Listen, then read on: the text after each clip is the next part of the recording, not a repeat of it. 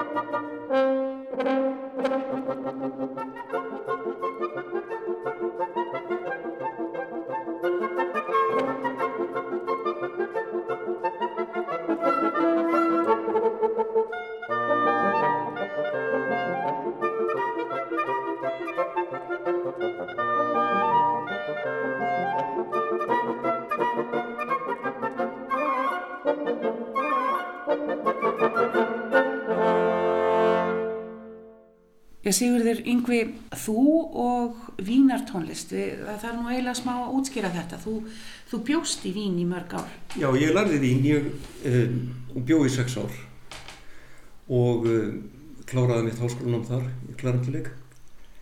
Um, tvö af þessum sumrum starfaði ég í hljómsveit í Stadtpark í Vín og þar hafði Jóhann Strauss spilað í, í mjög lengi og alveg sérstaklega síðust árin sem hann liði. Og um, við spiliðum úr svona svo kallum orginal partitúrum. Þetta var allt saman orginal, þetta var lítið hljómsveit. Við byrjuðum í mæ þá svona sem, sem lítið, já, ennþá minni hljómsveit sem var síðan stækkuð á sumrin. Sem byrjuði í mæ, svona júni þá var hljómsveitin stækkuð og svo var aftur minguð um höstið og þannig að ég satt hérna og spilaði næstu upp okkur einasta dag eh, frá mæ fram í oktober ef við sjáum þetta fyrir okkur, er þetta svona, svona sem ég sé fyrir mig svona lítið garðhús, svona paviljón, það sem að þið hljómsveitin sittur uh, og spilar, eða er þetta innandýra? Nei, sko, innandýra þegar að, þegar að veður var vond eða óhefilegt veður og náttúrulega í mæ var kannski spiluði við mestulegt inni en, en um leið og fór að hlína og sumra þá fóru út í paviljón og þarna var sem sagt spila frá fjögur til hálf sjö og átta til ellu okkur einasta dag. Og það var alltaf bara, maður fekk bara möppu og spilaði, það var aldrei eft og það var alltaf eitthvað nýtt, maður gæti búist við hverju sem var. Og þetta voru forleikir og, og náttúrulega valsar og það, það, þarna kynntist ég vínar músík almennilega. En það var ímest þetta spilað svo sem sko, við spilum með sá Rossini forleiki og guðmáðið og hvað Á þess að æfa? Já, já, ég veit að þetta hefur ekkert endilega hljómaði íla vel sko en, en þetta, þetta var mjög lærtómsríkur tími og ég bara, ég varð ástfangin á þessari tónlist og ég hef aldrei orðið leiður á því að, að spila uh, vínamúsík.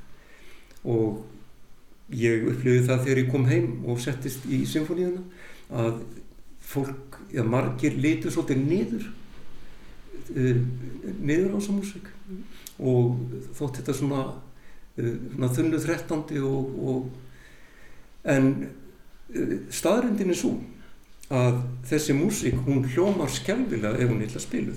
Þetta er alveg eins og að spila Mozart illa og það er alveg jafn erfitt að spila þessa músík eins og að spila Mozart. Hún verður að vera vel spiluð til þess að hljóma vel. Ef við tölum um uppruna þessa tónlistar, uh, Vínar tónlist, þetta er náttúrulega eins og, eins og gefur að skilja er upprunin frá Vín, ekki satt. Jú.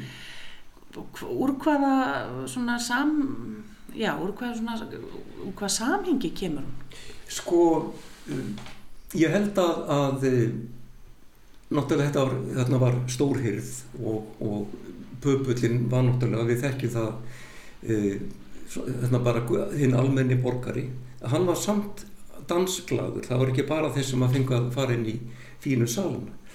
Allavega um, á fæðingar ári Jónasar Hallgrímssonar árið 1807 þá var byggður um, stór gardur um, með húsum og um, það, þetta var, var hétt sperl, sem sperl.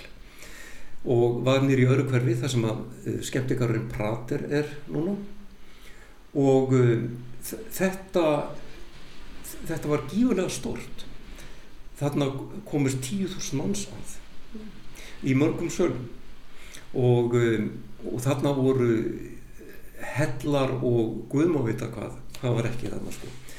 En þetta er, sagt, þetta er rétt upp úr uh, aldamótum, já, ymmit sá sem var fengið til þess að spila og semja músík fyrir opnuna, opnum þessara staðar var Jóhann Nepomuk Hummel uh, nefandi Mozarts en hann spilaði náttúrulega bara ykkur að mennuetta og, og, og, og slíkt. Og við meðum ekki gleyma því að, að þetta er í kringum uh, fæðingar á Schuberts hann fæðist uh, 1797 en allavega síðan eru þetta að það eru tveir menn sem eru sem er talaði sem er guðfeður uh, vína tónlistarinnar. Og þetta var Jóhann Strauss eldri og og uh, Jósef Lanner báði fyrirleikarar. Og Lanner var fyrstu til þess að stopna hljómsveit og uh, á fæðingar ári uh, Jóhann Strauss yngri þá, þá var þá spilaði spilaði Jóhann Strauss í hljómsveit Lanners.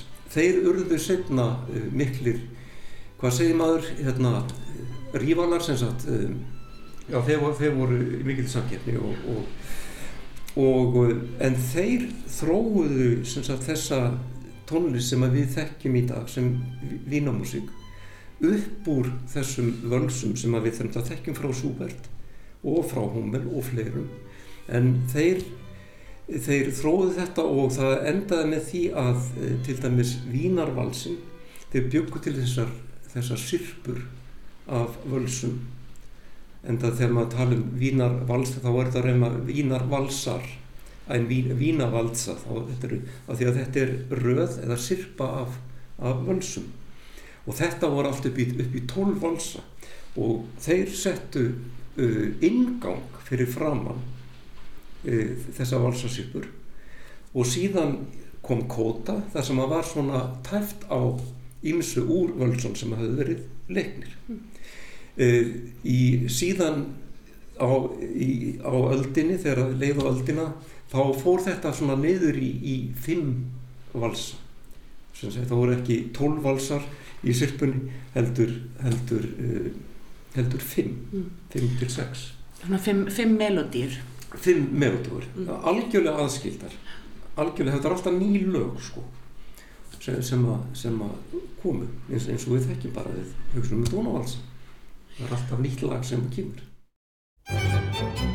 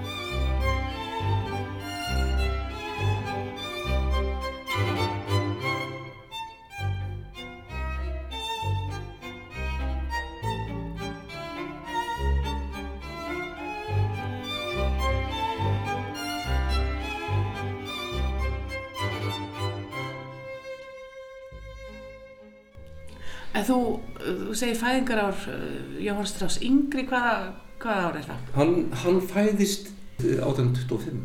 Hann fæðist 1825. Já. En pappans, hann, hann fættist rétt eftir aldamótin 1802-1803. Mm.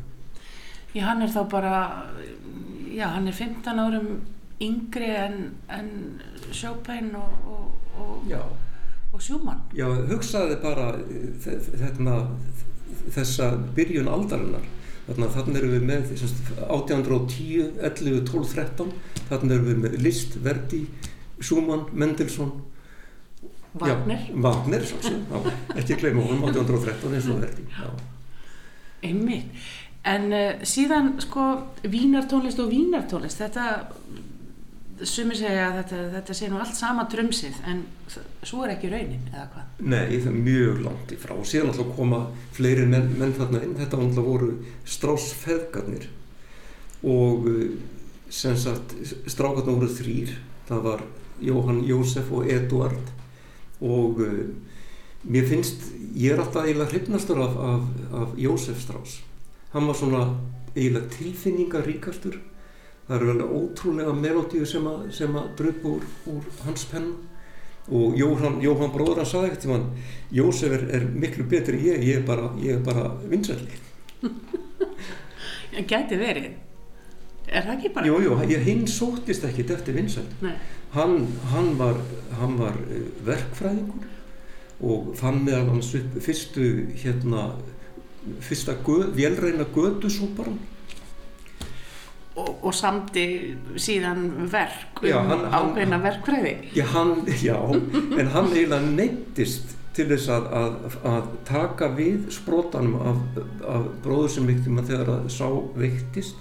Og þá þurfti hann náttúrulega að standa í stikkinu og, og, og, og hérna greip þyluna, allir náttúrulega höfðu lært á þylu og, og stjórnaði hljóstin ykkur ár sko. Og eh, en, en valsins og dýnamítin til dæmis er, er alveg ótrúlegur, ótrúlega fallegur sko. og, sferinn klengir sem þá var hann að, þá var upp í geimin og, og fer að, að, að yrkja um, um stjörnundar í tónum sko.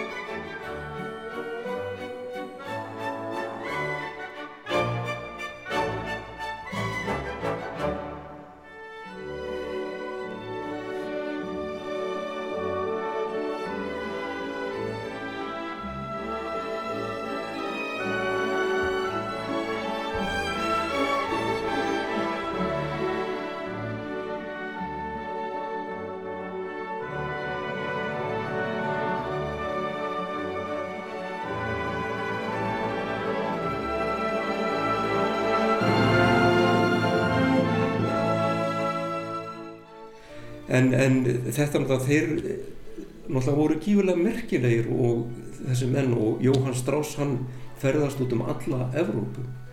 Ferðast mikið til, til Rúslands og hann fór til London, hann fór náttúrulega um alla Evrópu. Mm. og náttúrulega frægast er þegar hann, þegar hann fór til Ameríku og spilaði í, eh, í Boston á, það var eitthvað, var eitthvað heimsmót þar held ég ykkur friðarástefna og þar stjórnaðan náttúrulega það var gigantísk sko. Ég, ég held að það veri 2000 manna kór og, og 1000 manna hljómsveit og, og svo framvegi sko. Og hann náttúrulega þurfti að vera með marga hérna, hliðarstjórnendur og það er alveg hans lýsing á hvernig hann kom þess að stað og, og hvernig þetta gekk og hvernig þetta endaði. En alltaf í stuttumáli byrjuðu saman og enduðu saman og hann var mjánað með það Og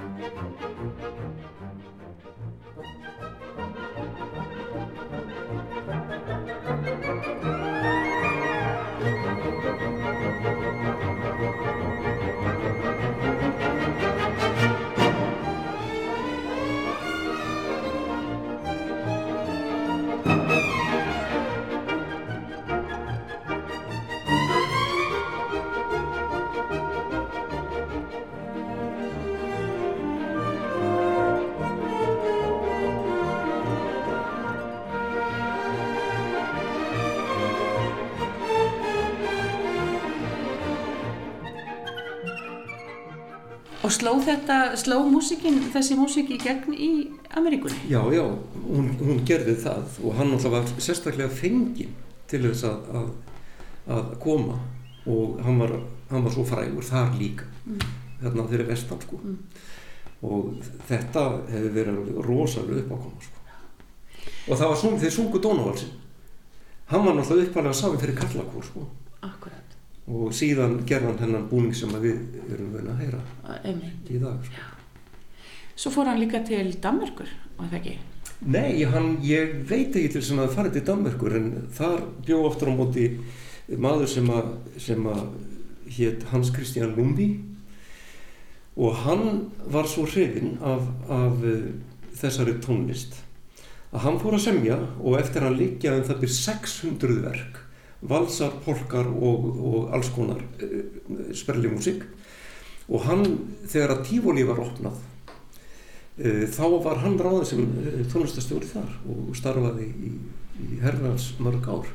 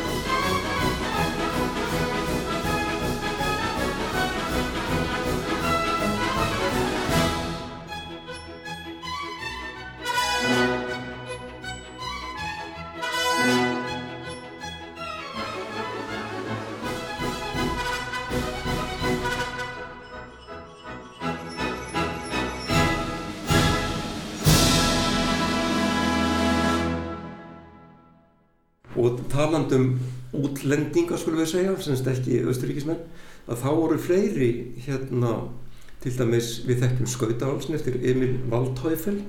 Að þetta sé svona þísnafn þá var þetta frakki, þetta er í Strasbourg. Og uh, ykkur er fleiri, já, svona þá má ekki gleyma Richard Strauss sem er ekkert skildur þessum Strauss, þessum, þessum Strauss fjölskyldu frá Vín. Hann er, hann er frá Bæralandi eða var frá Bæralandi en margir þekkja nú Rósarittaran til Rósinkálir sem að margir segja vera vínarískustu óperu allra tíma. Og það er alveg rétt því að það er úr og grúur af völsum og það er mjög frægur vals sem reyndar uh, er mjög aðalvalsin er mjög líkur valsi eftir, eftir Jósef Strauss og uh, allavega svona fyrstu hendingarnar. Ég hugsa hann hafi bara reynlega hérna uh, bara tekið sér bestarleifi og, og ná, náði þetta. Eða eins og vinnu minn allir heimir sagði þeir góðu stela frá hann góðu og þeir vondu frá þeim vondu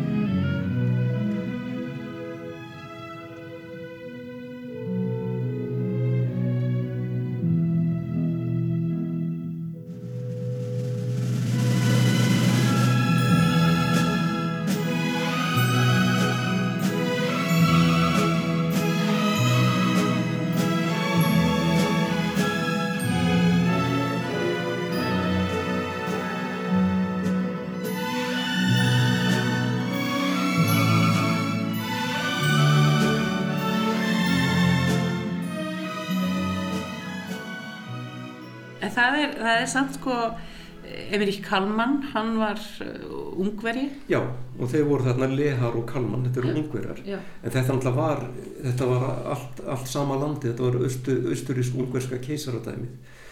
Og þeir byggu í vín þessi menn, en þeir held, heldum ég fast í sínar ungversku hefðir og þessar óperettur sem að þeir sömdu voru mjög litaðar af, af ungverlandi og ungverski sögu. Ef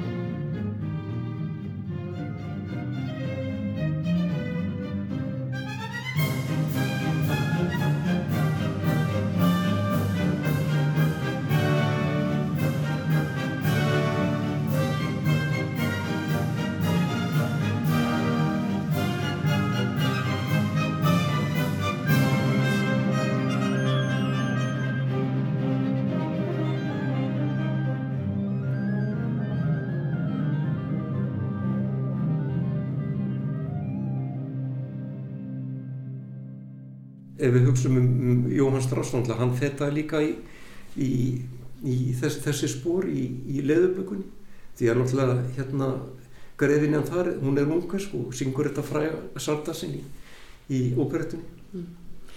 Þannig að vínartónlist var út um allt í Evrópu á þessum tíma á 19. öldinni Já, já, en, en náttúrulega aðalega þarna og Ég veit ekki um neitt ennskan Strauss en ég veit bara um þennan danska hm. Strauss og um, en það voru einhverju fleiri hérna meira segja fyrir vestan á, ég minnir á vínatóningum í fyrra þá hafi hljómsveitin spilað einhvern, vals eftir konu amirist hvern tónskáld eða svona e, e, músik sem var eitthvað í þessa í, í þessa áttin skulum við segja Þannig að kannski, kannski leynist þetta á bókasöfnum í Rúslandi og Fraklandi og, og víðar. Já, hver veit, það er alltaf ykkur að grubla og grafa sko Já. og hver, hver veit hvað maður finnur í framtíðinu sko. En tölum að þessum sko uh, þessi, þetta eru valsar, þetta eru marsar, þetta eru gallop, þetta er... Uh, þetta eru hérna, eins og segir, þetta eru valsar og massar og polkar og svo er þetta svona eru má segja að, að valsin komi svolítið upp úr þess að maður kalla lendler. Og, og um, eins og Beethoven skrifar í sunnum sem hérna, verkun sínum eitthvað sem maður kalla lendler.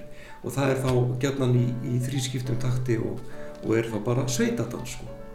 Landlendler þetta er bara þetta þessi það verða að, að vísa til, til sveitarinnar. En svo er það þessi polkar. Og það er sem sagt til hægur polki, bara polka fransés fransku polki og svo er það hraðu polki.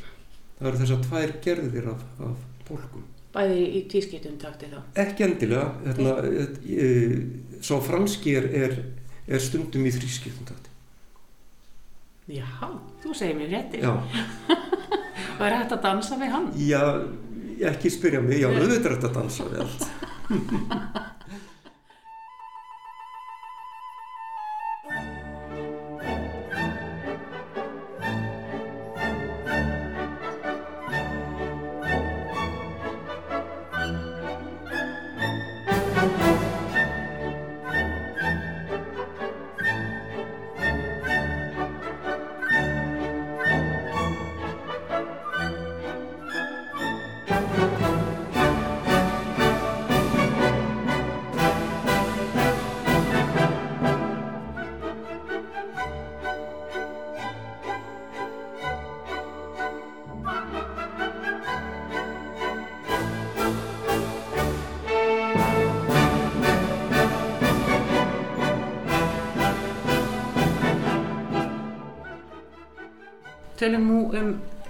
flutningin á þessari tónlist.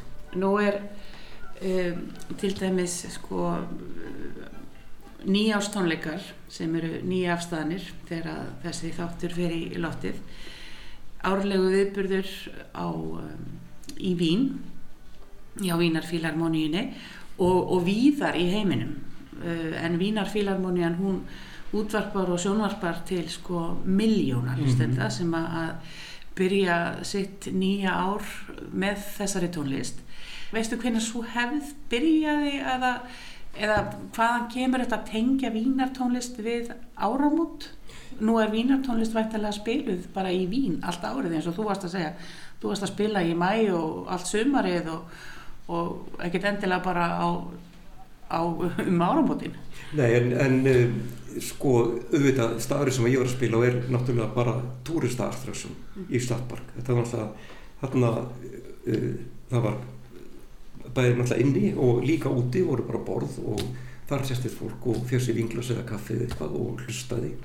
Og uh, á kvöldin komu alltaf þegar við vorum að spila þá komuðu danspur og dansuðu hérna bara upp á búið fólk þetta er alveg svo við upplöfum núna hjá Sinfonilegust Íslands. Mm og uh, það var alltaf eins og kvöldi þá, þá kom og þau dönsuðu einn, ég man ekki hvert að var einn eða tvo valsaði eitthvað slíkt sko. Mm -hmm.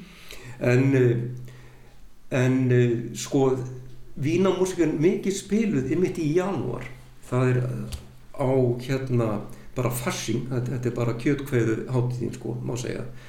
Að þá eru böll út um alla Vínaborg og, og þá er náttúrulega dansað, náttúrulega frægast er, er óperuballið það sem er, er, er smíðað pallur yfir all eh, árendasættin á semst, niðri í óperun í Vín og, og svo, svo er haldið ball og sem er algjör skraut síning sko. Hefur þið spilað þar eða hefur þið farið að dansa? Nei, ég ég held, ég hef aldrei haft efna á því. Nei, nei. Nei, ég, nei, nei, ég hef ekki gert það, ég hef ekki gert það. Þetta er svona eins og með, með nýjáskonsertin, það kostar vist alveg, uh, já, hönd og fót að komast það, það gerir það, en mikið væri gaman að fara eitthvað tíma sko. En við getum við horfum á til sjónum, það er yndislegt. En talandum það, svo hefð byrjaði 1939. Þá var stjórnandi fílamóniunar í Vín, Clemens Krauss, og hann var hérna mjög bóðu fylari. Og hann byrjaði og gerði eins og Jóhann Strauss hafi gert, að stjórna hljómsveitin með fyrru í hönd, sem er kallað á þýsku stegægur. Þá stendur hljómsveitstjórn fyrir framann og gefur inn og stjórnar en svo spilar hann með allan tíman líka sko. og við reyndar höfum hérna á Íslandi fengið nokkra svona í heimsókn ég man sérstaklega eftir Ens Kovacic sem er reynda góði vinnminn austuríkismadur, hann kom í tíða þrýgang og, og, og spilaði spilaði eins, eins og strálskerði mm. en þetta held, hefur haldið að ég held óslítið áfram frá 1939 og fræðastu kannski af þessum stígægarum eða þessum, þessum stjórnundum er Vili Boskoski sem var uh, í ára, ára tugi koncertmestari symfóníunar og hann reyndar kom til Íslands árið 1972 og stjórnaði, það má segja að hann hafi stjórnað fyrstu vínatónleikum Sinfóniustjórn Já, Sinfóniustjórn Íslands sko. það var 1972 og hann kom þá hingað og nokkur mára senni, ég held 76, ég upplifið hann, þá var ég komin í byrjar hljónstinni og eh, en það var ekki fyrir 1981 að eh, eða 82 sem að, sem að eh, vínar tónleikar fóru af stað og örðu hefð hjá Symfóniust Íslands en allavega þá var þá var haldið upp á 40. skiptið í fyrra mm. Og þetta eru bara vinsælstu tónleikar sveitarinnar. Þetta eru langu vinsælstu tónleikar sveitarinnar og það er verið að fylla hörpu í þrý eða fjörgang sem að segja nú heilmikla sögu. En það var það svolítið sem við vorum ennþá í háskóla bíói að það var farið með svona vínatónleika í lögadarsvöld í nokkur skipti. Og það var nú einn yngurinn í viðbúti, það, það segir þetta bara nú skiljaði allir, að hérna, það var Pita Gút, hann er sennilega svo maður sem hefur oftast stjórnað vínatónlingum á, hér á Íslandi, hjá, hjá Symfóniust Íslands. En ég man eftir tónlingum í Lögardalsöll sem að mér fannst náttúrulega alveg skjálfurð eins, eins og alltaf þar í því húsi að vera með tónleika bara út af já, öllum aðstæðum og hljómaði illa og, og svo leiðis en, en allavega þörfinn var slíka mm. og við vorum að fylla háskóla bíu og við margsinni sko líka. Mikið hann er gott að vera búin að fá hörpi Ójá, ójá, ég þarna á því lána fagn að hafa kynst henni sagt, frá sviðinu í eitt ár. Spilaði spilaði frá, frá 11 til 12 sagt, í hljóstinni og svona er búin að vera viðvandur hljóstina mm. Síðan. En þegar þú varst þarna í Vínarborg í fallegu garðhísinu paviljón um, að spila eftir bladi á klaranettuna hvað lærður þau helst? Man það lærði að óhemju mikið að, að þetta er náttúrulega bara einbyttingu lítum að læra þegar maður hefur ekki séð hlutina áður. Og, og ég manni, ég var oft skýt nervus þegar ég sá einhverja katir sem koma sem ég þekkti alltaf sko. En það var að láta vaða til dæmis orðuðs í undirheimunum eftir Offenbach. Það, það er svaka katin sem þar. En það var bara að láta vaða. Ég man ég var óskaplega nervusíkt með ég frett að, að, að Yorka Philharmonium væri, væri í bænum og var að fara að spila. Og ég er svo hrettur með einhverju kallsveiti þarna og klaranleikari úr fyrir hljómsveit bara einhver fáralegt sko maður býr til ímislegt já, já, já, já. algjörlega. En þú lítið þá að búa þessu og vera feiki góður lesari? Ég, held ég að sé alveg þokkalög blað lesari sko. Já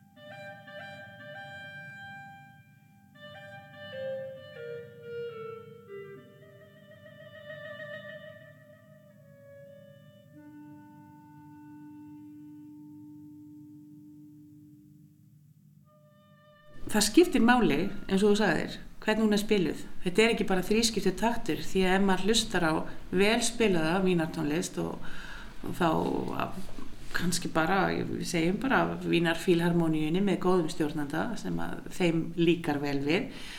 Um, það breytir henni. Hún, hún liftist einhvern veginn öll upp og, og, og já, það verður ekki bara einn, tveir, þrýr það er eitthvað meira heldur en það En það er alveg þekkt að, að annarslægi þessum þrískiptatatti það kemur aðeins setna Já. kemur aðeins setna en, en þriðarslægi kemur alveg á reyndast sko. aðeins svona. Já. Nei, það kemur, það kemur aðeins á undan Já, kemur aðeins á undan. Og, og, og það þriði á. Og það er þessi svibla sem við erum að reyndast eftir.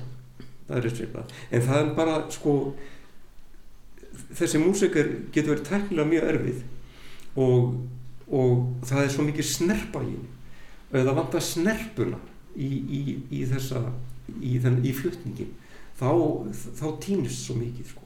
Horfur þú einhver tíman á Vínartónleikana frá, eh, eða þess að nýjástónleikana frá Vínaborg og hugsa að þetta er nú ekki gott. Nei. Ég, nei, aldrei Þið eru aldrei svona mislíkað einhver stjórnandi sem að hm, hann gerir þetta nú ekki eins vel eins og hinn Nei, það má ekki gleyma því að hljónsveitin kann þessa músík miklu betur heldur en langt flestir stjórnendur. En þeir, það er nöðsilt að hafa á þannig en ég held að, að ég held að koncertnist er ráða þarna rosalega miklu. En auðvitað það er svona auðvitað nöðsilt að hafa þarna fyrir fram. En skemmtilega að vera að hafa þarna, standandi fyrirleikara myndi ég segja. Nei, nei, mér, mér er aldrei mislíkað og, og, og þetta er feikilega vel gert og þessi þættir náttúrulega með öllu, öllum innslögunum og þessu en er, er alveg, alveg dásanlega sko. mm. Þetta stegækir sem við erum búin að læra. Nýja orði sem við lærðum í dag. Já, já, já þetta er hérna svona var þetta í upphafi hjá, hjá gamla strás og lannir og, og strákun öllum hinn það er ekki bara söflan, það er líka snerpan en svo náttúrulega er þarna uh, úr, eins og ég sagði úr, úr og grúur af, af fallegum melodím og þetta eru gífulega er gífulega tilfinningarík tónlist þegar maður fyrir að hlusta. Og uh, Jónas Káfmann hann, hann, hann gerði plötu fyrir einu eða teimar án sem er feikilega góð og með og syngur á, á vínerisku og gerir það mjög vel. Það reyndar, ég held að búin um verum inn í vínuna vegna þess að uh, nú var hann til konans, hún, hún vinnur þar. En allavega hann er volað mikið í vín og, og ég verði að fá að skjóta inn að, að hérna, við annað vorum áskrifundar af að, að hérna, Vína statsóper, ríkisóperin í fyrra og horfðum á leðuplökuna sem er alltaf flutt á, á gamlarskvöld í, í báðum óperahús, stóru óperahúsum í Vín. Og svo alltaf er hefð fyrir því að, að, að Orlovski greifi hann býður upp á, á leinikjast og þannig að þetta hefur alltaf verið praktísera hér austandi líka. Leinikjastu kemur. Og jú, jú, það hérna, Dr. Falke hérna, sem er náttúrulega leiðublagan sjálf hann það kemur að því að hann kynir leifingist og hver var það nema Jónas Káfmann og gaf nokkur númur eins og honum er einu með lagið. En hann uh, hann var að tala um já hann hafi verið spurður þú, við hefum ekki komið inn á óperett en þá hann hafi verið spurður um, um hérna óperettu hvort það var ekki óttalega mikið móð þetta inn, inn í allt því sem óperettum. Því hann, hann er farin að syngja Eisenstein í, í lögurlökunni og hérna og hann sagði viltu það? Ef þú hlustar á ítalskar óperur þá er það ekkert mikið merkilega margt að því. En og svolítið svona dramatískara kannski. Já en, en, en hann sagði annað. Hann sagði en, en ef þú hlusta bara ef þú kleimir texta hlusta bara á músíkinu þá er hún svo hún er svo fallið þessi músík. Og, og ég vissum að, að, að ef að Jóhann Strauss væri til í dag þá væri hann marg, marg, marg, marg, margbaldu miljónir því að í einu valsi þá er hann, er hann kannski með átta slagara svona 6-8 slagar þannig að, að þetta, þetta var svolítið góða punktur hjá, hjá Kaufmann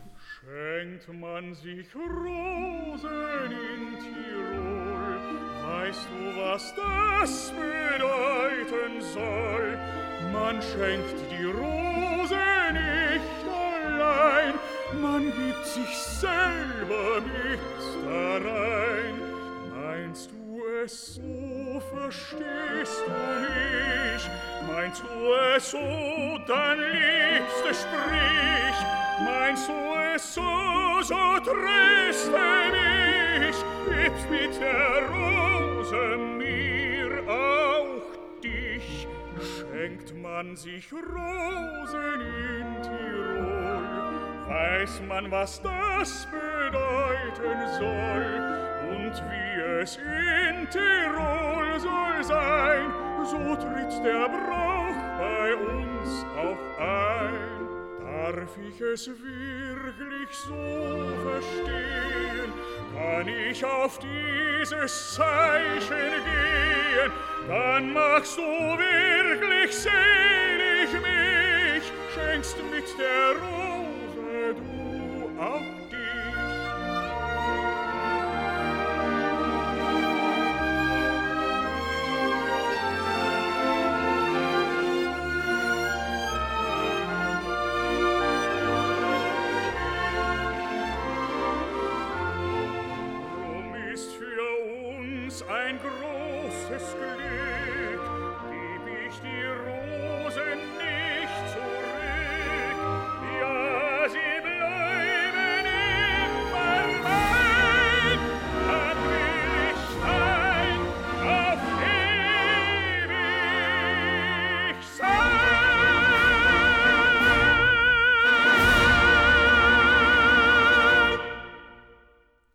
En þessi óperettur verða alveg óbúslega vinsæla líka á þessum tíma. Já, það er verða gífurlega vinsalar. En uh, við tölum um, um vínar óperettu. En það er raunverulega Jacques Offenbach sem að er svona upphafsmaður óperettunar. Og uh, þeir fór, gengu í, í hans smiðju þessir kalla sem að verður frægastir fyrir, fyrir óperettuna eins og Lehar, Kalman og Strauss því að hann var komið með sínar óperettur svona upp úr miðri 19. öldinni kringum 1860 og uh, það var allt vittlust í París í, það er náttúrulega, við kvöldum ekki vínamúsk en, en auðvitað þetta er, þetta er ekki, ekki, ekki fjarskilt Sko, þetta er náttúrulega bara stytting, ópera, óperetta. Þetta er bara stytting, ekki Já. rétt. Já. Uh, léttari, er ykkur annar munur? í, þetta náttúrulega óperettan er kannski nær því sem að síðan var kallað söng, söngleikur. Já. auðvitað náttúrulega var, var á tímum Mozart og jafnvel áður talað um singspíl og það var nú jafnvel þarna með eins og törraflötuna að það kallaði kannski singspíl en, en, en það er kannski þessi léttleiki og, og það er valla mikið drama í, í óperettu Nei. Það og er- þeir enda vel oftast.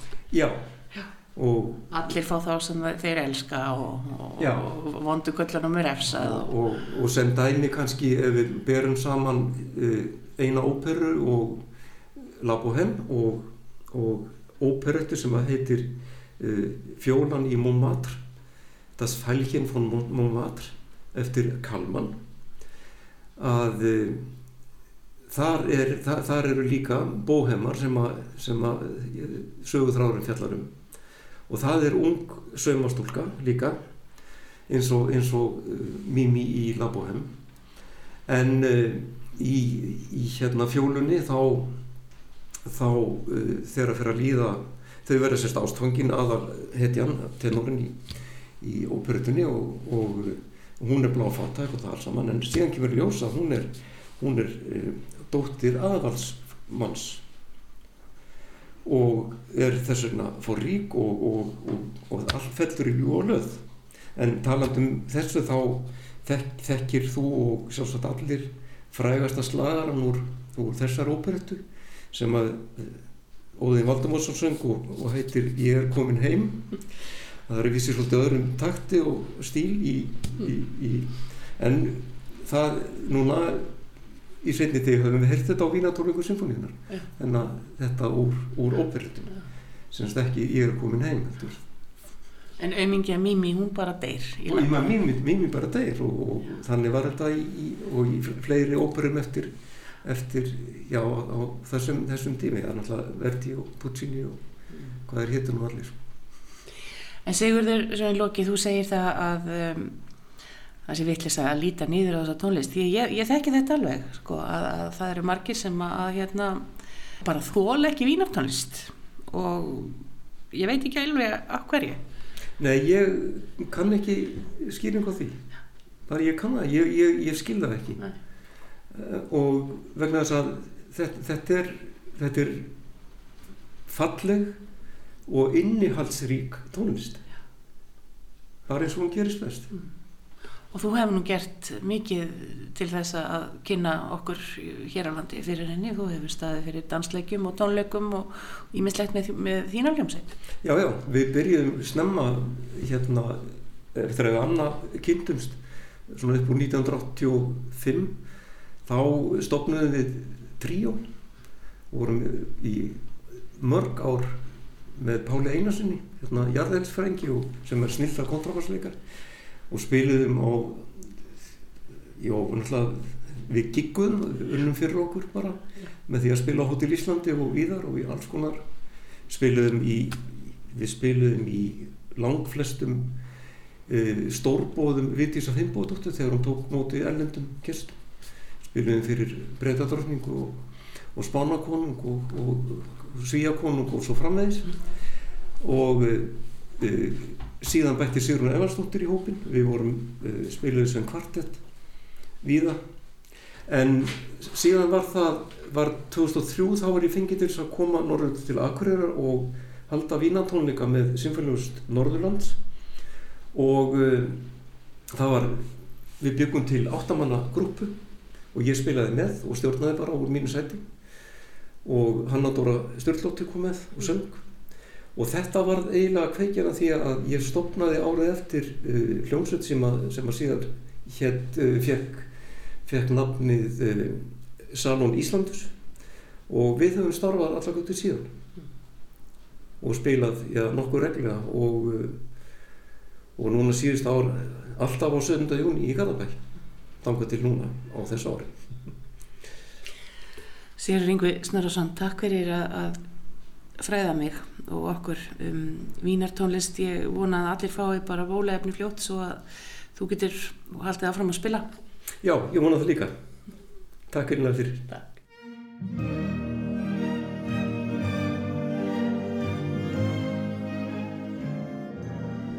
Kæru hlustendur, tím okkar er á þrótum í dag. Ég þakka Sigurði Yngvar Snorrasinni klarinettuleikara fyrir áhugavert spjall. Endur þetta á lægi Emeriks Kalmans í Nótt dreymdi mig um þig úr óperettunni Fjólan frá Montmartre eða eins og við þekkjum það, ég er komin heim. Það er Simon Kinleyside sem syngur þanga til næst hafið það sem allra best.